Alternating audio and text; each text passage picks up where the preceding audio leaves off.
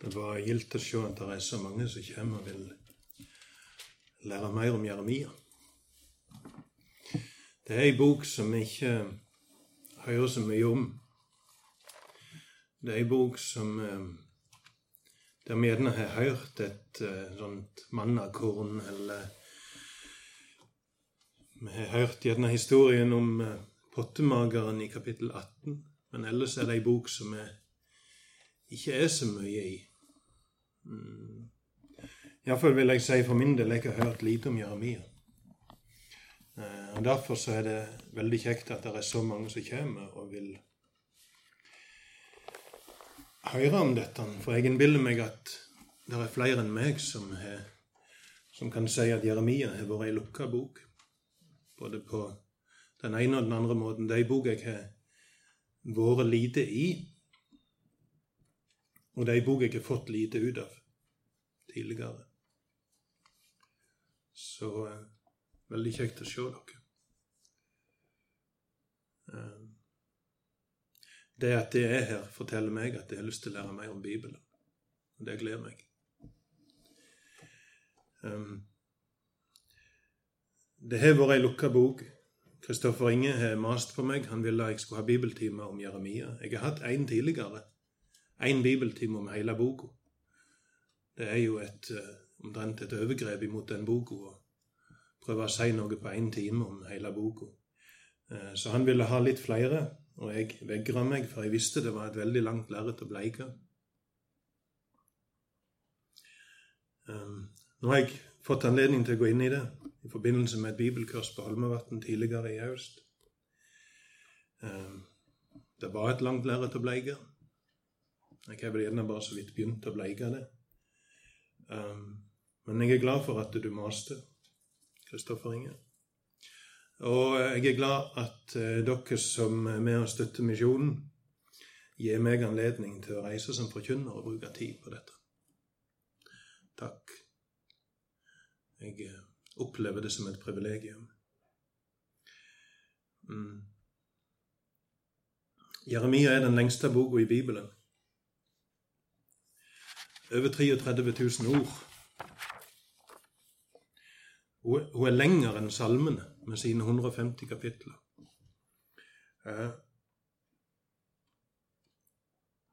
Og det handler om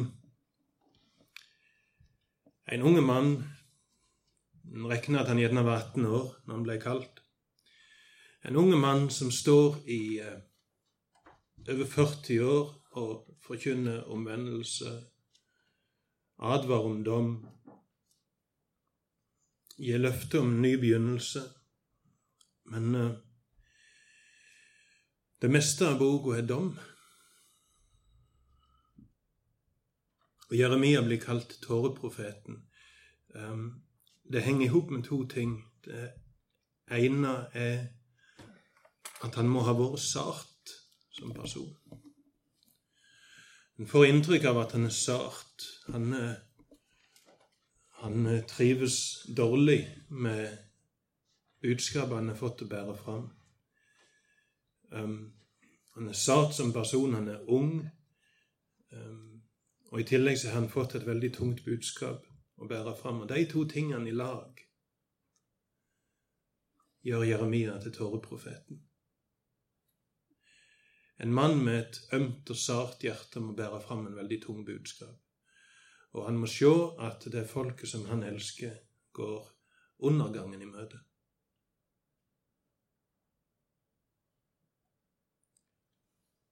Og han står i 40 år og advarer dem. Han taler i 40 år for døve øyre, denne mannen med det store, sarte hjertet. Um, hvorfor skal vi lære om ham? Jeg eh, stilte meg spørsmålet, og jeg kom opp med tre svar. Det er sikkert flere. Men eh, for det første vi skal ikke la noe, noen bok i Bibelen ligge uåpna. Eh, det er noen avsnitt i Bibelen der vi som er lettere å slå opp på. Det er noen brev og noen, noen bøker som vi trives godt med. Eh, og så er det tyngre å åpne enkelte andre bøker, enten fordi at de har et tungt innhold, eller at vi ikke helt forstår de. Jeremia er ei sånn ei. Vi skal ikke la henne ligge uåpna, vi skal åpne henne, for det er Guds ord til oss. Alle deler av Bibelen har noe å fortelle oss, òg Jeremia.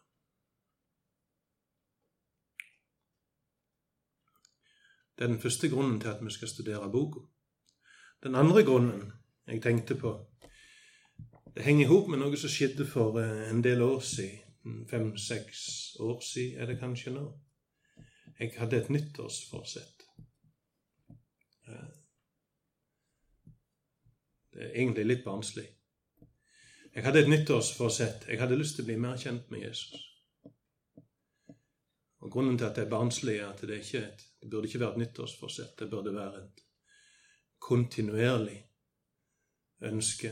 Men jeg hadde det nyttårsforsettet. Og så, og så ut, på, ut i januar, nokså tidlig i januar, så tok jeg fram Bibelen og så ville jeg lese. Så tenker jeg, hva skal jeg lese? Nytestamentet har jeg vært ganske mye i tidligere. Eh, det må bli Gamle testamentet. Jeg har vært ganske mye i de historiske bøkene. Interessert meg for dem og lest om dem i forbindelse med eh, både undervisning på, på Tryggheim og arbeid med søndagsskoletekster. Så det, det, historiske materialet har jeg vært i.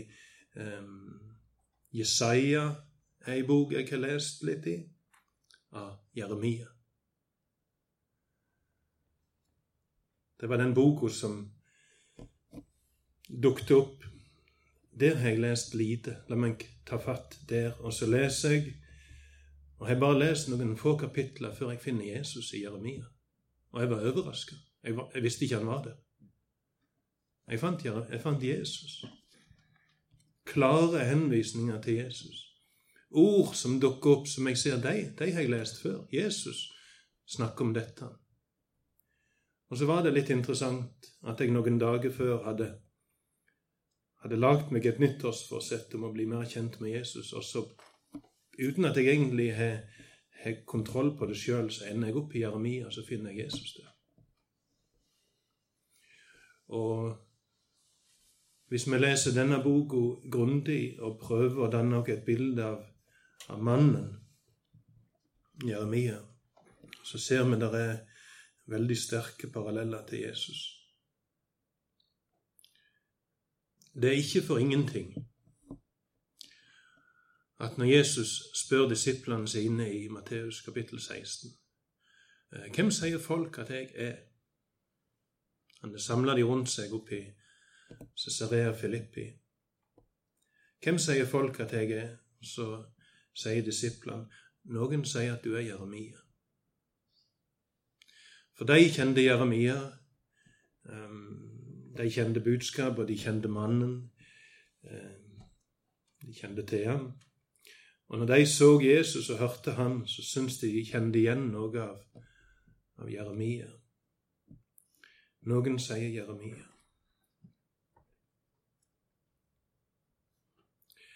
Uh, det tenkte jeg vi skulle gå litt grundig inn på en, eh, en kveld seinere. Vi, kan ikke gå inn på det i dag. Men det er den andre grunnen jeg ser til at vi skal lese og studere denne boka. Vi skal, vi skal gjøre det med en forventning om å få se Jesus her. Og den tredje grunnen, den eh, handler om at noen, og kanskje mange, vil si at um, den tida da Jeremia virka, har veldig sterke likhetstrekk med den tida vi lever i. Um, det òg skal vi gå inn på litt grundig en, en kveld seinere, tenkte jeg.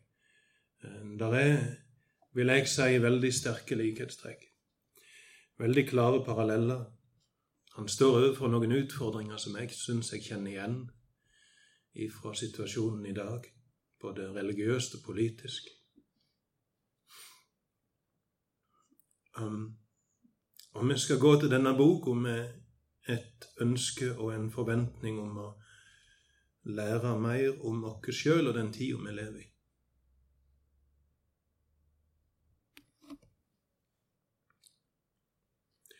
Så det er de tre grunnene jeg har funnet. Så kan det se om det kommer på flere. Um, I denne boka, som da er den lengste i hele Bibelen, møter vi en sart profet i en ensom kamp imot det politiske og det religiøse lederskapet. Eh, I en ensom kamp imot et forkvakla eh, laug av, av profeter falske profeter. En, eh, en forkvakla kultus i tempelet som, som, mente at hvis vi bare kjører seremoniene aldeles etter boka, så er alt godt og vel. Så kan vi leve sånn som vi vil.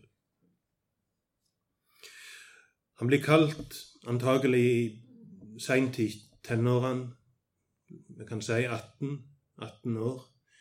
Um, I 627 før Kristus. Og virker i 40 år fram til Juda og Jerusalem går unna, og folket blir ført til Babylon i 587. Da har han virka i 40 år. Han er advart om dette han i 40 år. Omvend dere, eller så kommer der noen ifra nord og bortføre dere. Og de har ikke hørt på han. Og jeg eh, kan ikke si at jeg misunner han. Jeg tror Jeremia ville ha fryda seg av å stå i min, mine sko i dag. Det er folk som kommer og vil høre. Det er et privilegium. Det er et ufattelig privilegium. Jeg har noe å fortelle, og folk kommer og vil høre det. Jeremia står i 40 år med et budskap som ingen vil høre. Og han veit det er undergangen til både folket og byen hvis ikke de vil høre, hvis ikke de vil omvende seg. Det er ikke tilfeldig heller da at vi har fått et uttrykk i norsk. Det er ikke sikkert alle kjenner til det, men vi har altså et uttrykk på norsk som heter jeremiade som er et, et djupt klagerop ut av, ut av eh, ut av djupe smerte kommer det et klagerop. Og sånt klagerop kan vi kalle på norsk en jeremiade. Det kommer fra Jeremia, som står der og klager. En djup smerte, et sart og stort hjerte. En mann som virkelig elsker folket sitt. Og han ser at de går undergangen i møte.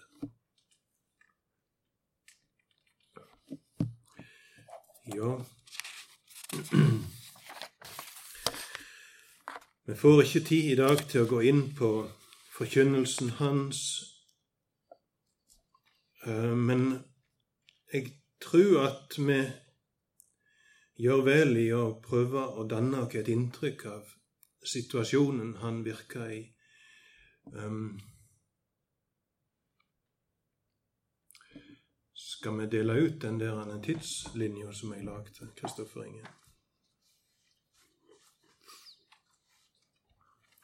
Hvem er denne mannen, og, og hva er det som kjennetegner tida da han levde og virka? Jeg, eh, jeg har prøvd å, å, å, å tegne et bilde av det og jeg lagde et, eh, ei tidslinje som eh, Hvis den blir veldig forvirrende for dere, så er det, er det fritt fram å hive henne. Men eh, hvis hun er til hjelp, så, så bruk henne. Jeg skal prøve å forklare det. Um, det er tre, tre kolonner her, og det er Da kan du se Jeremia sin tjeneste. Um, parallelt med den politiske situasjonen i Israel og parallelt med den storpolitiske situasjonen, altså internasjonalt. Um,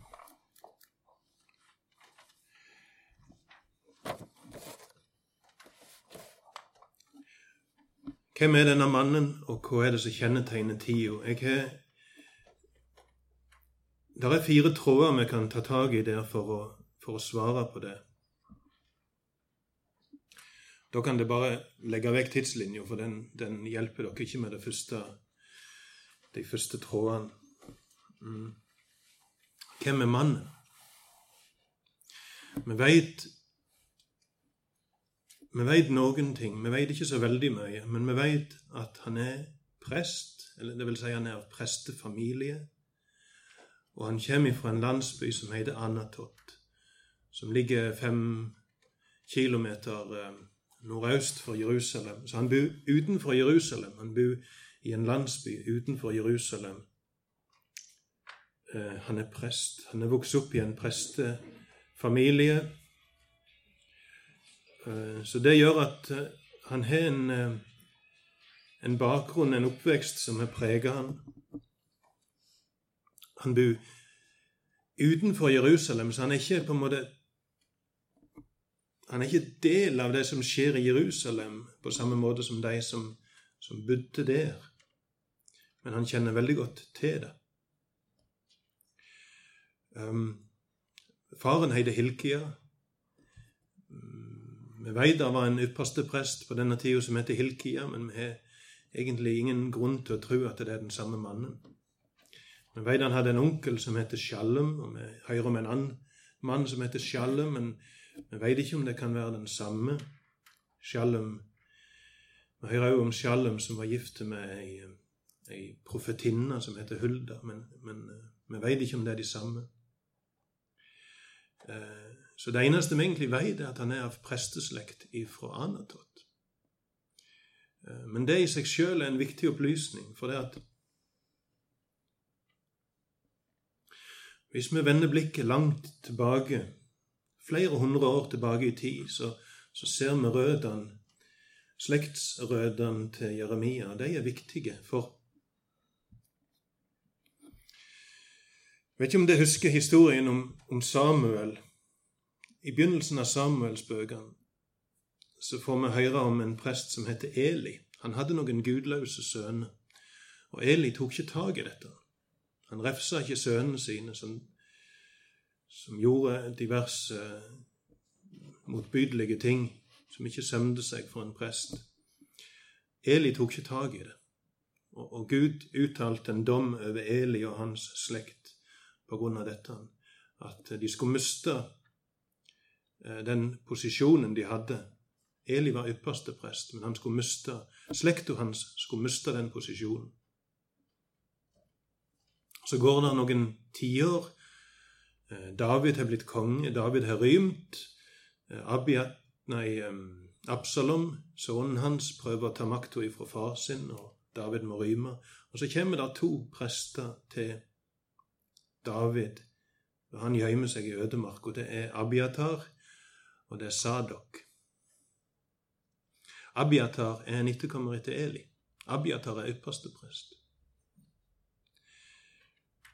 Um, og så ser vi etter hvert at Sadok og Abiatar blir rivaler om yppersteprestembetet. Og når Salomo blir konge, avsedde han Abiatar som yppersteprest og sier 'reis hjem til Anatot'. Og så blir Sadok ny yppersteprest.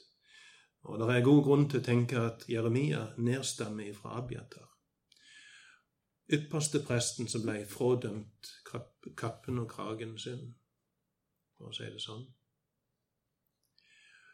Um, hva gjør det med ei slekt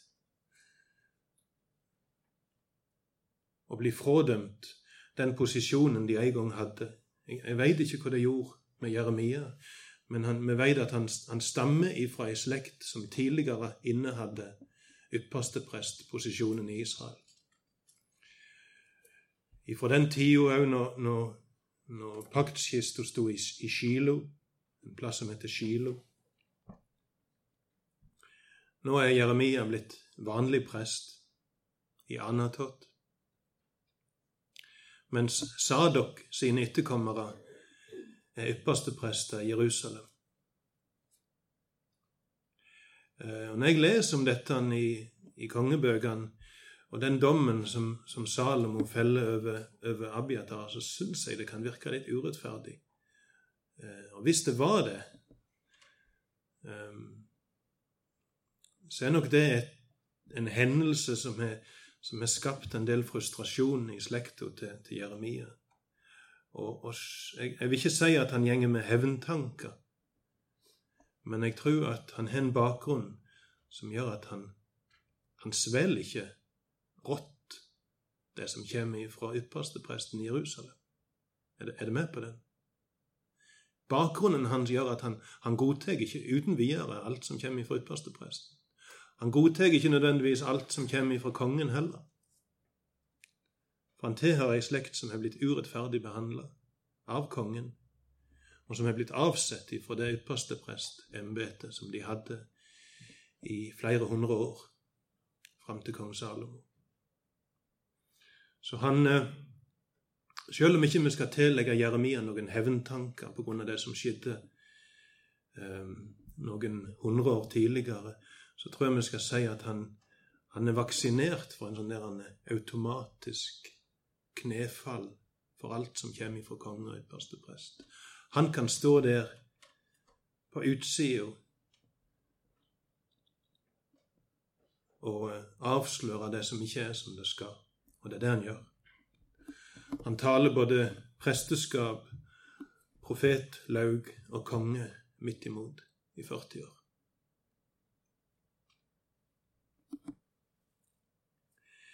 Eh, for det andre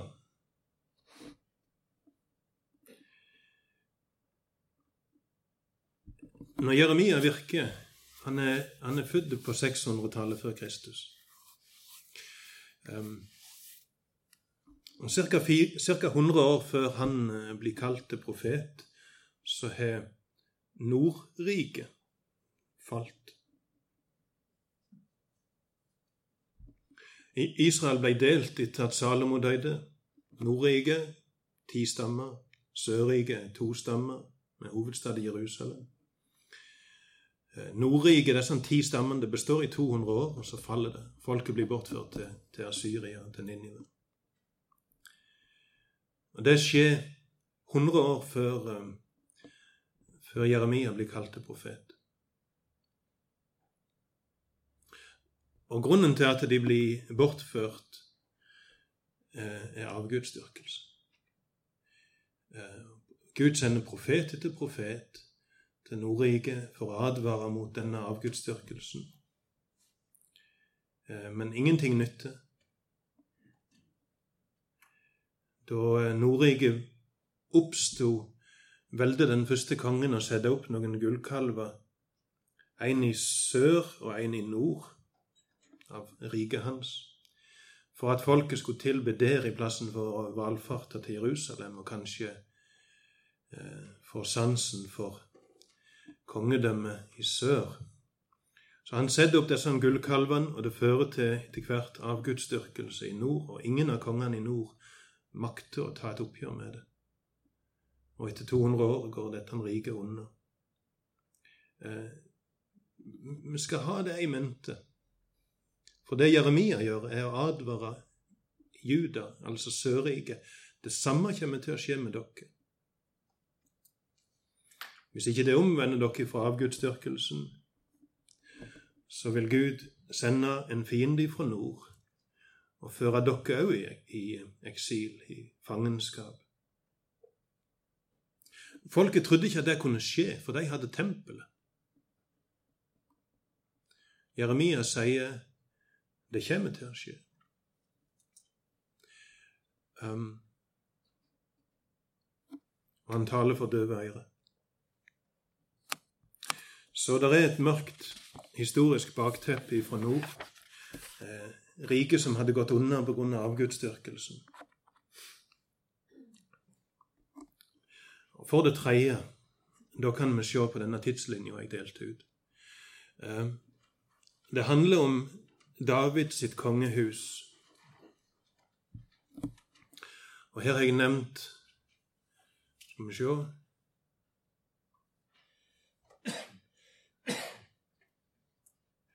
Jeg har nevnt åtte konger her. Um, og det ser at jeg har lagt grønn farge på tre av dem. Eller to konger og en guvernør. Det er kong Hiskia, som har fått grønn farge, og det er kong Yoshia. Han har fått grønn farge her. Og Gedalia, en guvernør som ble sett til å styre etter at folket var bortført til Babylon. Kong Hiskia var en gudfryktig konge. Det, det kan lese om han både i kongebøkene og det kan lese om han i Jesaja-boka. For Jesaja virka mens Hiskia var konge. Han var gudfryktig. Og en viktig hendelse fra kong Hiskias i tid eh, Det handler om et, eh, et angrep av hæren fra Syria. De har samla seg for å de har beleira Jerusalem. Det skjer ikke så lenge etter at Nordriket har falt. Eh, så kommer hæren fra Syria, så skal de ta Jerusalem òg. Og de setter opp et brev og sender det til Hiskia. Eh, og kongen tar brevet, og han går til tempelet, og så bretter han det ut i tempelet, og så ber han. Eh, han, han legger denne saken framfor Gud. Og det, det sier noen ting om, om Hiskia, at han, han, han, han venner seg til Gud. Og det er den rette tingen å gjøre. Og, og, det som skjer, er at Gud sender en engel som går ut og slår 185 000 mann fra syrerne sin leir. En veldig spesiell hendelse. En stor del av asyrerne sin hær blir slått, dør i løpet av natta. Og når de våkner neste morgen, de som er igjen, så pakker de og reiser hjem. Og Jerusalem er berga. Det sier noe om kong Hiskia. Men i tillegg så sier det noen ting om hvordan Gud griper inn og berger Jerusalem. Og det er viktig, for det at på Jeremias tid så tror de at det kommer Gud alltid til å gjøre. Uansett, hvis en fare truer Jerusalem, så kommer Gud til å gripe inn, sånn som han gjorde på kong Hiskias i tid. Så vi er trygge uansett. Det var et under, og det førte til en falsk trygghet hos folk. Kong Hiskia var, var gudfryktig. Han eh, Vi leser at han ble sjuk, og eh, og så ber han og Jesaja blir sendt for å si at du skal få 15 år til. Du får 15 år bonus. Um, han fikk leve 15 år til. Um, Jesaja forteller òg om ulykker som skal komme over, over, landet. Det skal ikke komme i kong Hiskias tid, men i hans etterkommere sin tid. Og Da ser vi en sånn barnslig trekk hos denne kongen, som ellers er så gudfryktig. Han sier han, gleder seg over at ulykka skal komme etter at han sjøl er død. Det er barnslig. Det, det, virker veldig umodent. Hvorfor har han ikke mer omsorg for, for landet og slekta si enn at han kan, han kan rett og slett glede seg over at han sjøl ikke skal få oppleve det? Det er merkelig. Og en annen ting som er merkelig, det er at når kong Hiskia dør, og sønnen Manasseh overtar som, som enehersker, så ser vi at det er den verste kongen som noen gang har sittet på trona i Jerusalem. Hvordan går det an? En av de mest gudfryktige kongene får en sønn som etterfølger, som er mer gudløs enn alle de andre. Og i tillegg han er konge i 55 år, og det gir han kolossal innflytelse. Han innfører åndemaning, spiritisme. Han, han ofrer flere av sine egne unger til en avgud som heter Molok. Sønn til kong Hiskia. Manasseh. Og vel vi leser i eh, andre krønikebok, er det vel, at Gud straffer Manasseh, og en hær fra Syria kommer, bortfører han til Babel. Og Der omvender han seg og blir, blir tatt til nåde. Gud tar den gudløse Manasseh til nåde. Og han vender tilbake igjen til Jerusalem og prøver å renske ut igjen den avgudsdyrkelsen han har innført, men han makter det ikke.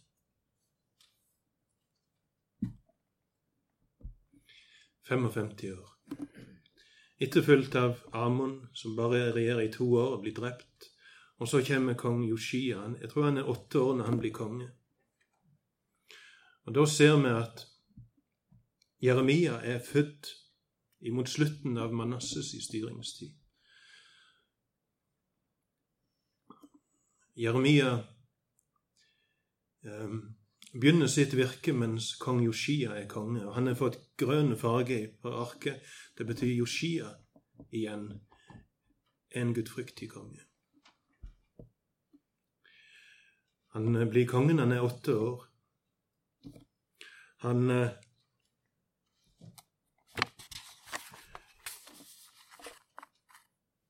Skal vi se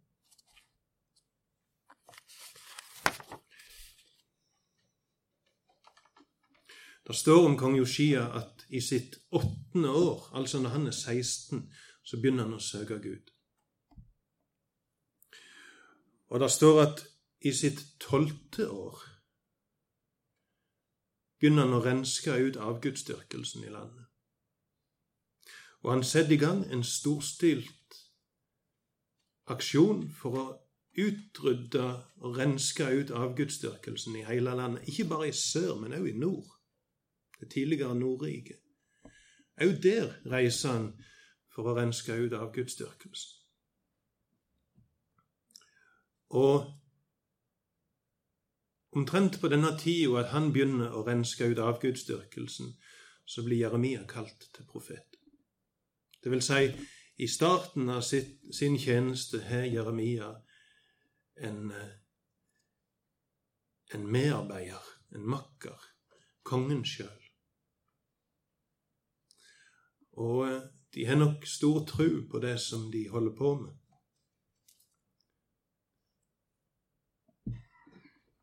Kong Joshia rensker ut avgudsdyrkelsen.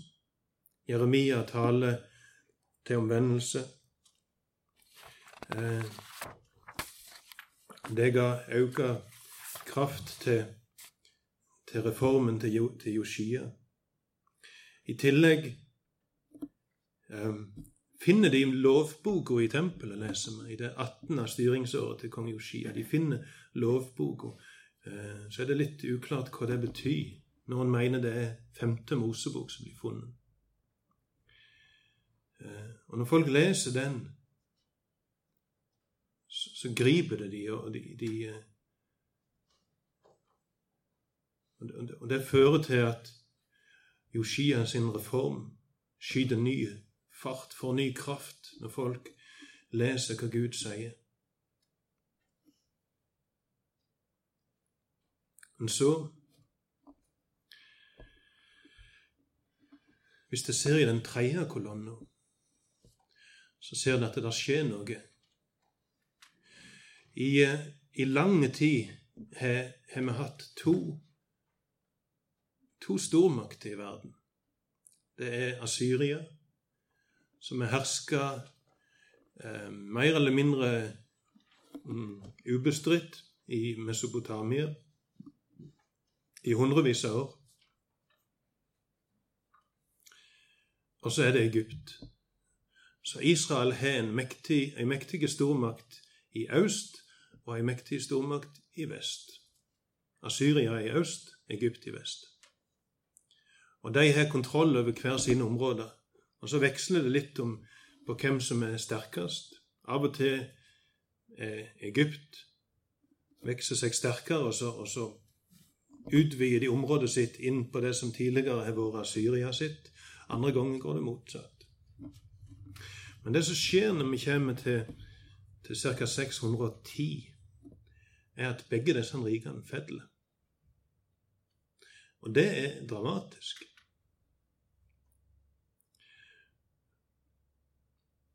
Og det handler om at den siste sterke kongen i Asyria, han dør Jeg tror det er det året Jeremia blir kalt til profet. 627. Da dør Assurbanipal, den siste sterke kongen i Asyria. Og Babel, eller Babylon, begynner å eh, bli mektigere. Og etter bare noen få år lukkes de i å vinne over Ninive og Asyria. Det er dramatisk. Ei supermakt som har rådd i 600 år, har falt.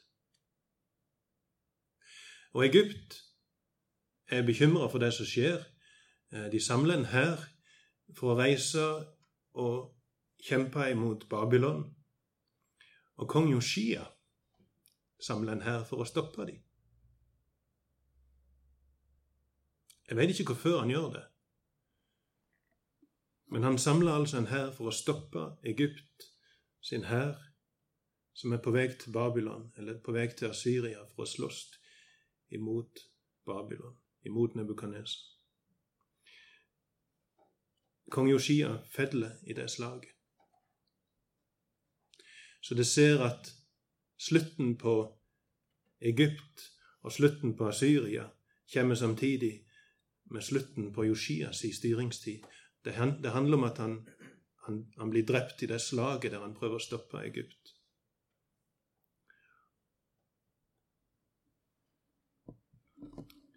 Herren til Egypt reiser videre. De forskanser seg i en by som heter Karkemish, og der blir de grundig slått.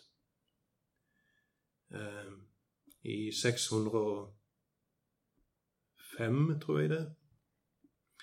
Og dermed, i plassen for at vi har to parallelle supermakter i verden, iallfall den verden som folk da kjente til, så har vi én, og det er Babylon. Hva gjør vi nå?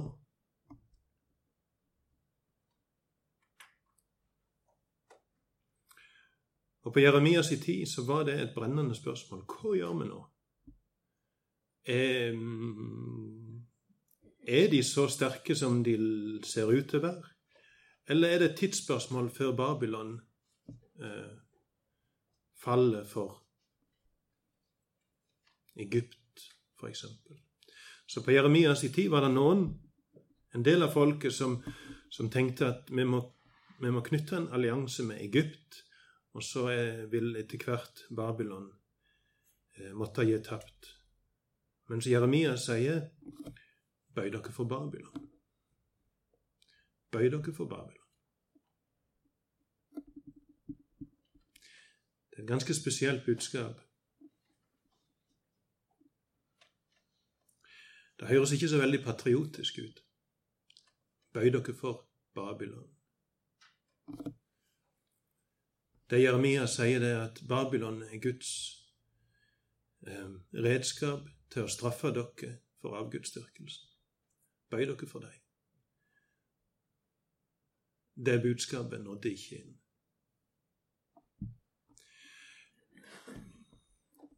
Kong Joshia dør. Folk sørger over ham. Folk sørger kolossalt over Joshia. Han må ha vært en god konge.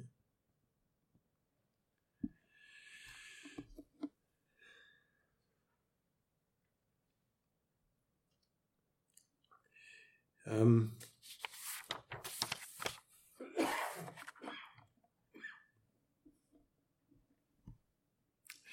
etter han blir sønnen Joakas konge, han får regjere i tre måneder før farao kommer og avsetter han. En annen sønn, som heter Jojakim, blir konge.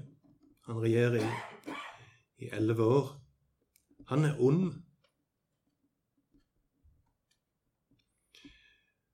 Han, eh, han dør etter hvert, vi veit ikke hvordan. Kong Jojakin overtar. Han regjerer i tre måneder før Nebukadneser kommer og avsetter han. Og kong Sidkia blir ny konge, regjerer i ca. ti år.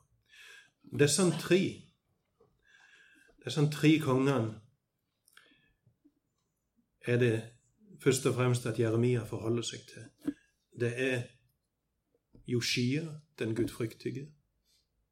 Det er Jojakim, den onde. Og det er Sidkia, den svake.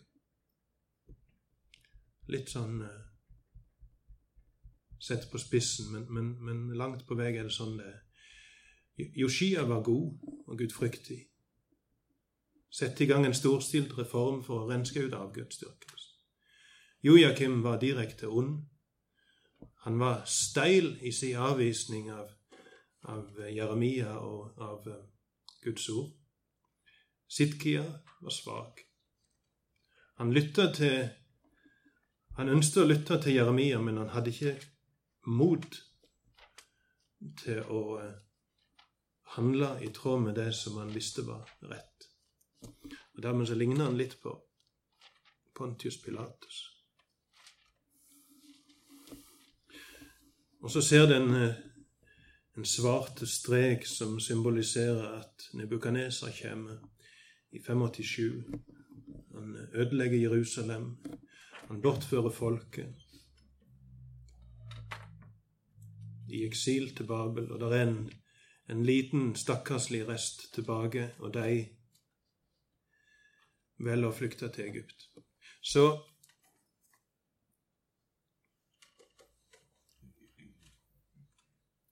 Davids sitt kongehus er i oppløsning.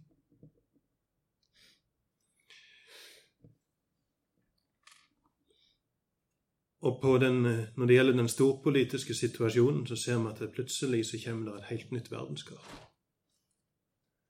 Dette handler om den situasjonen som Jeremia virka i.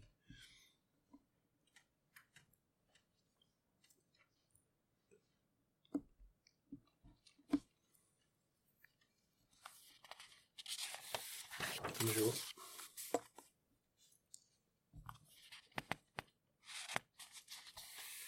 Um,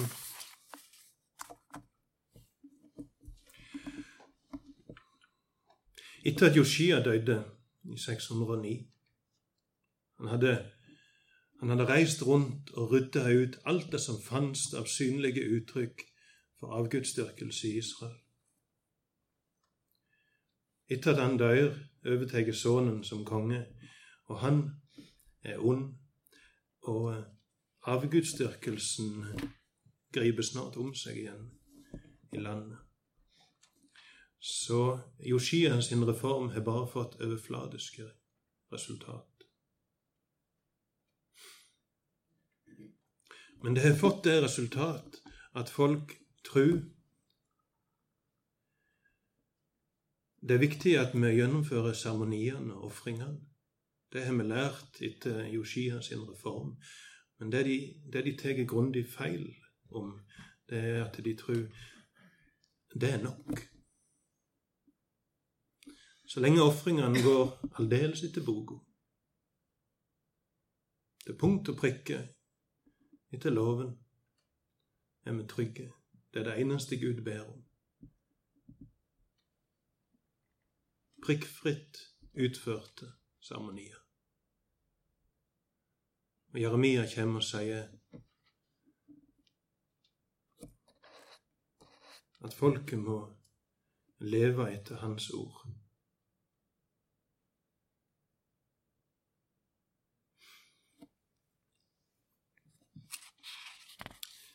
Ja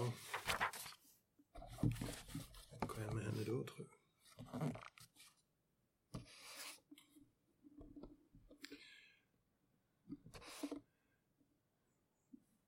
Vi veit ikke når Jeremia døde. Derfor finnes det ikke noen nedre strek på den boksen som tilhører han. Han ble, han ble ført til Egypt i lag med den resten av folk som velger å flykte til Egypt. Um, etter at uh, Nebukadneser hadde vært i Jerusalem og brent byen, innsatte han en gudfryktig mann som heter Gedalia, til å være guvernør. Og så skjer det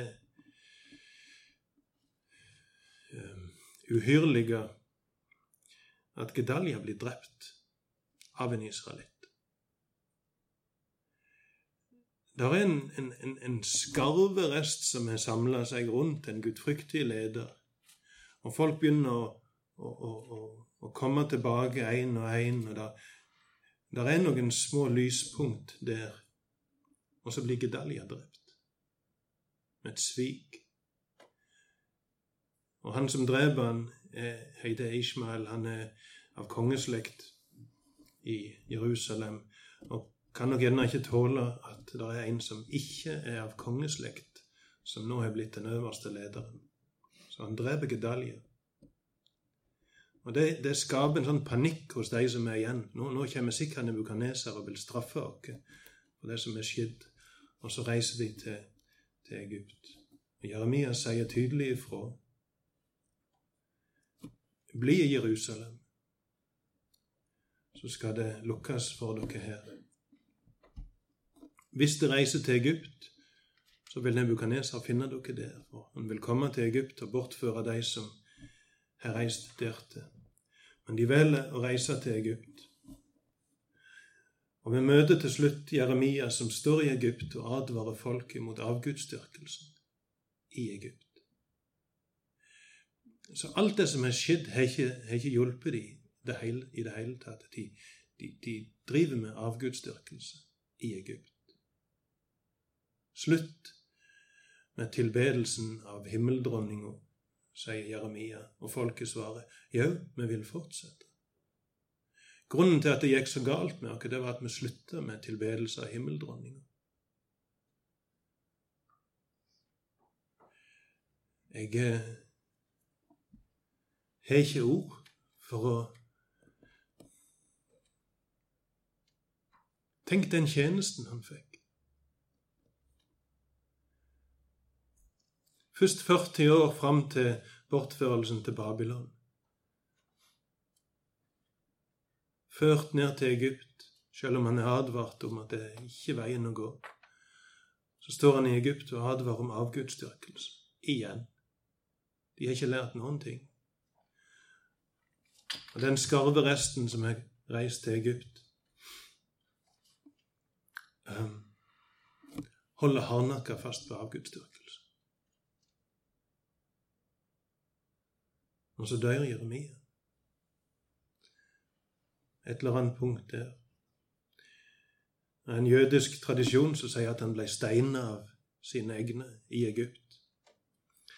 Men boka hans lever. Eh, Kong Jojakim brente den når han fikk det lest opp for seg, men han kunne ikke utslette Guds ord. Boka lever. Alle profetiene ble samla.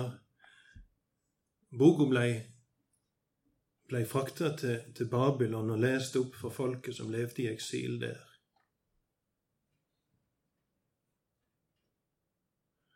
Med all sin, eh, all sin forkynnelse om dom, all sin advarsel om, om overhengende dom, men òg med de kapitlene som forteller om at Gud vil gjøre noe nytt. Det ble tatt med til Egypt. Og hvis du ser i den høyre kolonnen bak, så ser du at etter ikke så mange tiår faller Babylon. Babylon var et, et ufattelig mektig rike som kunne samle så uhorvelig mye makt og underlegge seg både Asyria og Egypt. Men de består i bare ca. 100 år. Og Babylon, den mektige byen, faller omtrent uten vold, uten kamp, for en hær ifra Media og Persia. Um, og det som skjer da, er at den nye kongen, kong Kyros, gir jødene lov til å vende tilbake igjen. Så 85 blir de bortført til Babylon. Det er noen som er blitt bortført tidligere. Eh, men i 538 ca. får de tillatelse til å vende tilbake igjen.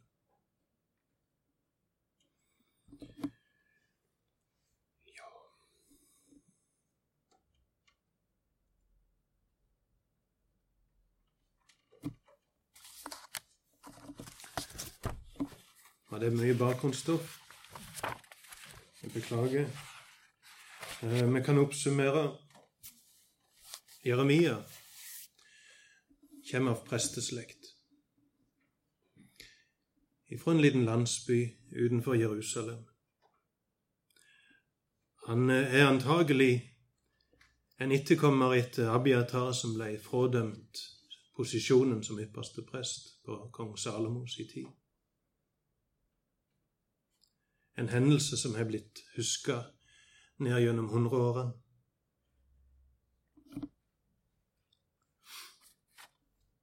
Um, han, eh, han virker ca. 100 år etter at Nordriket har falt pga. Av avgudsdyrkelse. Og han advarer om at det samme kan skje med, med Sørriket, med Juda. De hevder at de er trygge, for de har jo tempelet. Jeremia sier, se på Kilo, da. En gang var tabernaklet og paktskista i Kilo, på Eli og Samuels tid. Nå er det bare en ruin igjen. Det Gud gjorde med Kilo, kan han gjøre med Jerusalem. Han lever i ei tid der Davids David sitt kongehus er i oppløsning. Kongene regjerer i kort tid, og de er svake, og de er onde. De makter ikke å ta tak i, i vondskapen og avgudsdyrkelsen. Han lever i ei tid der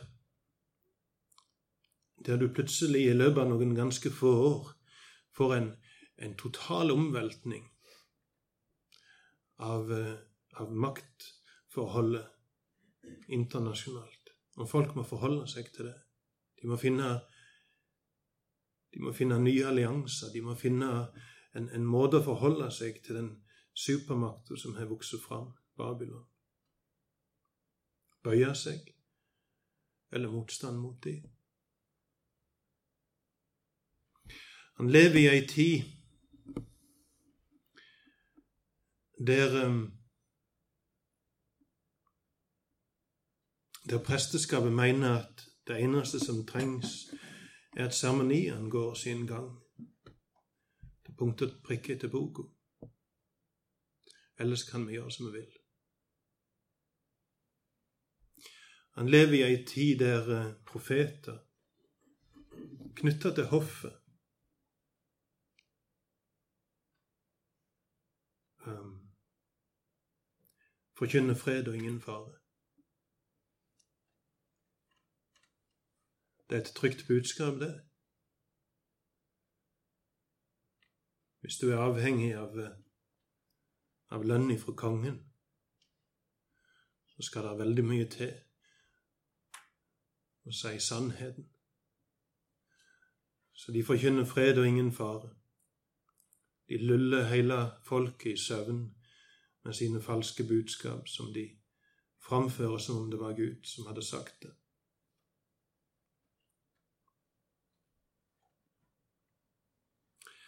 Og vi ser i Jeremia-boka misbruk av makt til å kneble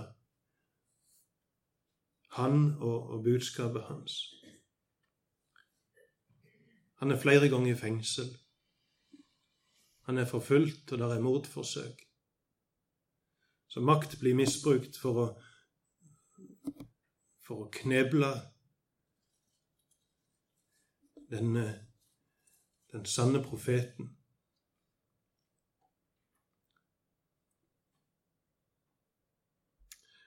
Han lever i ei tid der folk gjenger med en falsk trygghet knytta til at de har tempelet Eh, i Jerusalem, og at eh, Gud før har grepet inn for å berge byen og folket sitt på kong Hiskias i tid. Han lever i ei tid der det er sosial urettferdighet og, usedelighet i kjølvannet av eh, ugudelighet.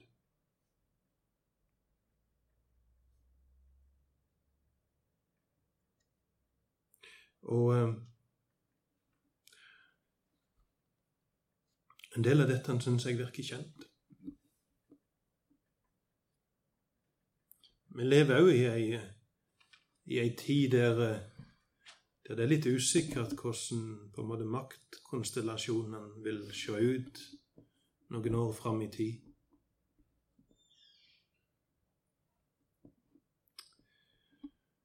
Um, det er kanskje en viss falsk trygghet, en viss tiltro til at det er nok at vi gjennomfører seremoniene.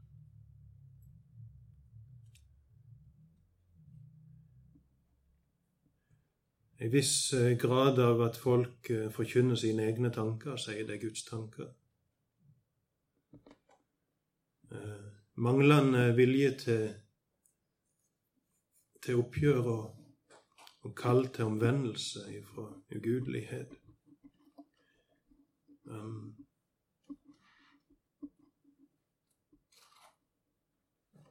der står Jeremia.